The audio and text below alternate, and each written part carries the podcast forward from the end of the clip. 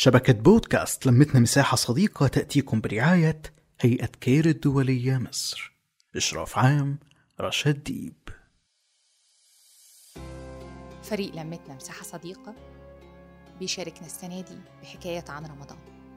ولأن كل واحد فينا عنده حكاية مختلفة عن رمضان فكل واحد فينا هيشارك حكاية مختلفة بتفكروا بالشهر الجميل ده. يلا نسمعها.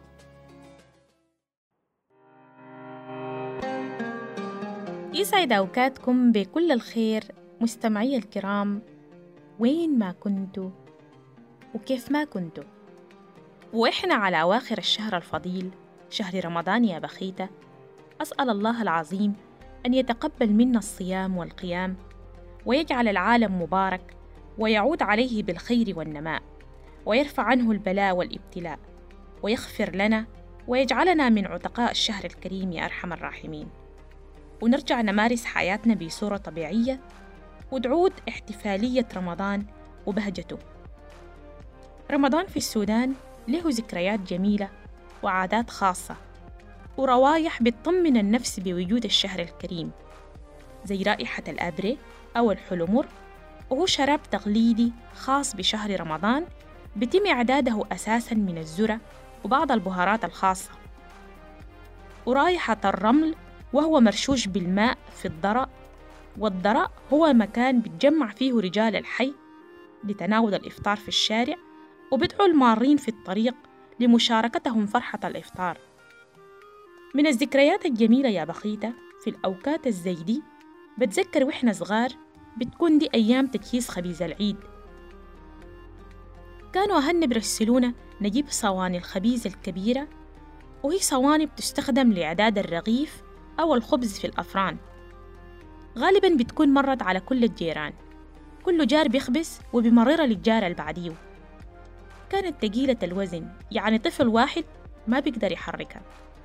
كنا بنتعاون ثلاثة أطفال وبشدة الفرحة بنكون شايلينها وجارين جري على فرن أو مخبز الحي. وده بكون يوم مولد يوم مميز فطور على غدا خبيز بكل أنواعه. بسكويت على كعك على بيتيفور على قريبة على لانكشير على ينسون.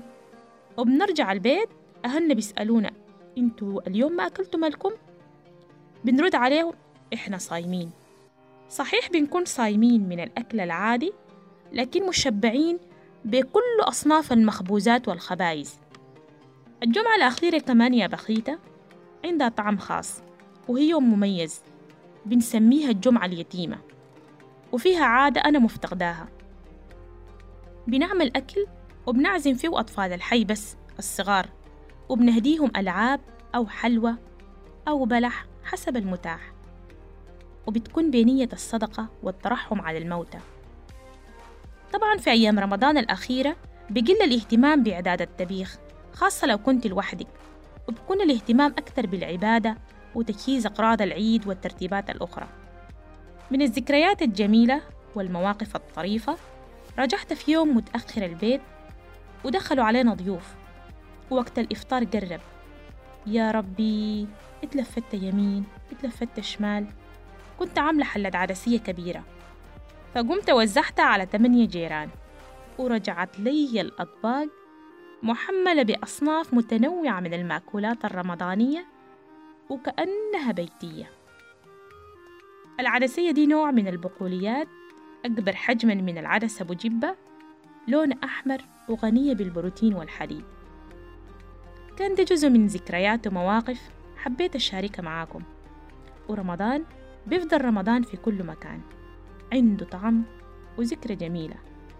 كل سنة ورمضان عليكم مبارك. وكل رمضان وإنتوا في أتم الصحة والعافية. تقبلوا مني تحياتي وتحيات الريكوردر رفيقتي بخيت جار النبي وبودكاست يوميات زوجة. وإلى أن ألتقيكم في حلقة جديدة فتكم طيبين وسالمين وعلى أحلى عيد مقبلين.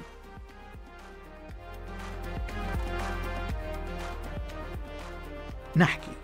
نتشارك نتواصل.